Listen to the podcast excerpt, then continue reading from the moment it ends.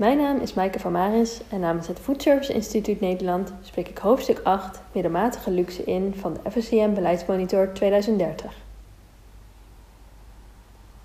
Hoofdstuk 8 Middelmatige luxe. Luxe leven tussen hoop en vrees. De opkomst van premium mediocre onder jongeren. De groeiende maatschappelijke tweedeling tussen arm en rijk heeft de weg vrijgemaakt voor een nieuwe manier van consumeren. Premium mediocre, oftewel middelmatige luxe. Het is het nastreven van een luxe leven met de middelen die je je kunt veroorloven.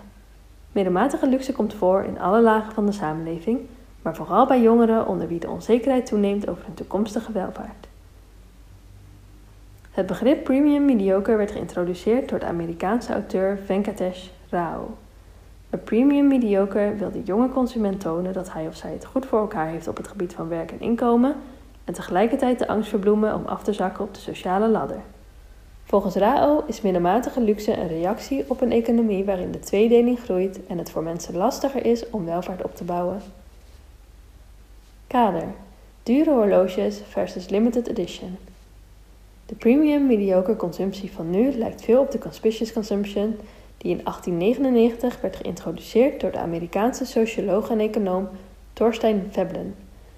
Conspicuous consumption, in het Nederlands betekent dat opzichtige consumptie, houdt in dat consumenten duurdere alternatieven kopen om hun rijkdom te etaleren. Opzichtig consumeren is wat rijke mensen doen om te bewijzen dat ze het beter hebben dan de rest. De spullen moeten duurder zijn dan alternatieven en gemakkelijk publiekelijk te tonen zijn. Voorbeelden van opzichtige consumptie in onze tijd zijn merkhorloges, designerkleding en dure sportwagens.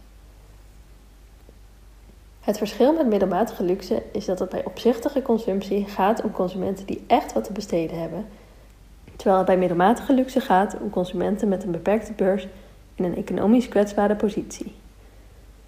Een typisch voorbeeld van middelmatige luxe is de populariteit van limited of signature editions van alledaagse producten.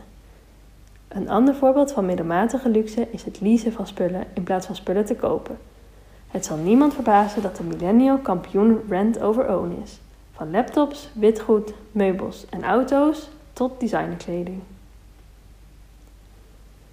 Inkomensmobiliteit jongeren verslechtert.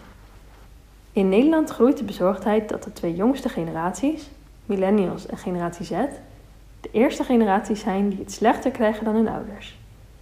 Meerdere onderzoeken laten zien dat in Nederland de kans om een hoger inkomen te behalen dan je ouders de laatste jaren sterk is afgenomen.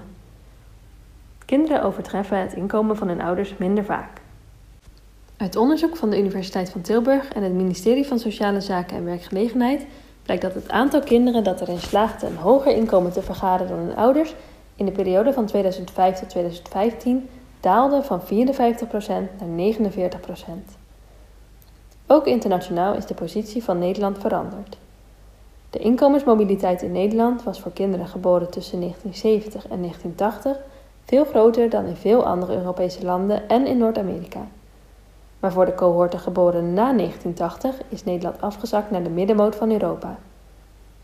Een van de oorzaken daarvan is de financiële crisis van 2008. Onzekerheid onder jongeren. Met het oog op de huidige coronacrisis is de verslechterde inkomensmobiliteit in Nederland na de crisis van 2008 zorgelijk, want corona raakt vooral jongeren hard. In combinatie met hoge schulden, een overspannen woningmarkt, weinig arbeidszekerheid, een slechte pensioenregeling, de kosten van de klimaatverandering en van de vergrijzing vergroot de onzekerheid onder jongeren over hun toekomstige welvaart. De jongere generaties zijn zich bewust van die onzekere positie. Opgevoed met het idee dat alles bereikbaar is, willen ze dolgraag opklimmen op de maatschappelijke ladder. Maar ze beseffen ook hoe moeilijk het is om een stabiel plekje op die maatschappelijke ladder te veroveren. Naar beneden vallen kan ook zomaar gebeuren.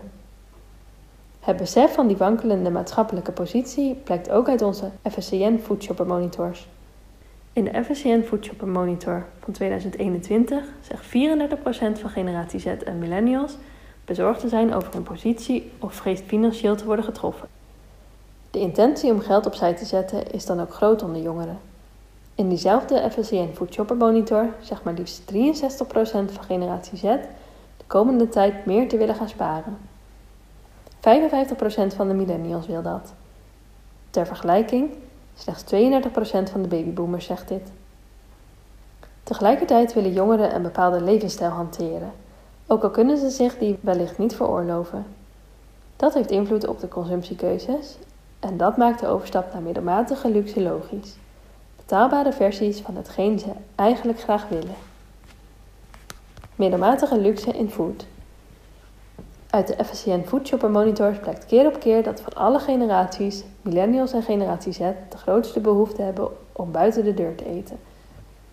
In 2030 zijn de twee generaties samen goed voor 65% van de out-of-home omzet. Vooral bij hoger opgeleide werkenden moet uit eten passen bij de cultuur. Het juiste publiek, de juiste sfeer.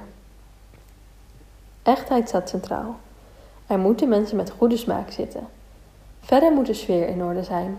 Uiteindelijk is dat crucialer dan het eten zelf. Vrienden, collega's en anderen spelen een belangrijke rol bij het restaurantbezoek.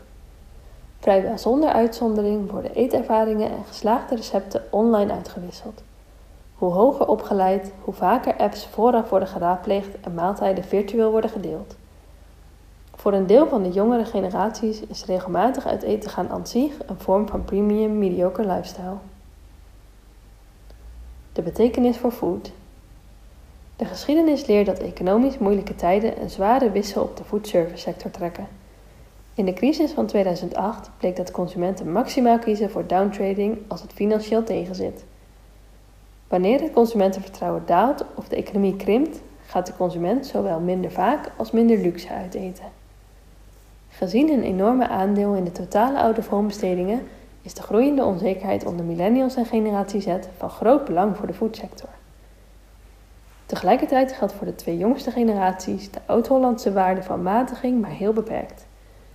Genieten van uit eten gaan is voor hen een recht, blijkt uit FSCN-onderzoeken. Vanwege die instelling zullen de jongste generaties buitenshuis genietmomenten blijven zoeken. Al zullen ook de gemaksgeneraties in tijden van economische crisis downtraden naar betaalbare opties. De jonge, premium mediocre consument zoekt buitenshuis dan goedkopere eetervaringen die toch luxe uitstralen. Inspelen op premium mediocre.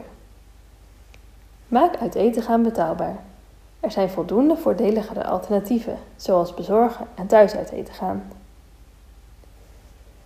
Investeer in ambiance. Bij premium mediocre uit eten gaan draait het om sfeer. Ook voordelige concepten moeten elementen van premium mediocre toepassen. Bijvoorbeeld oesters, truffels of zelfgemaakte pasta's op de menukaart. Concepten zoals Loetje en Renato's passen perfect in het plaatje. Pas meer systeemgastronomie toe. Premium mediocre leidt tot concepten die met lage kosten en een hogere bezoekfrequentie consumenten op een voordelige manier een vorm van luxe kunnen bieden. Restaurants in het hoge segment kunnen hun concepten meer afstemmen op hoogopgeleide consumenten uit de generaties millennials en generatie Z.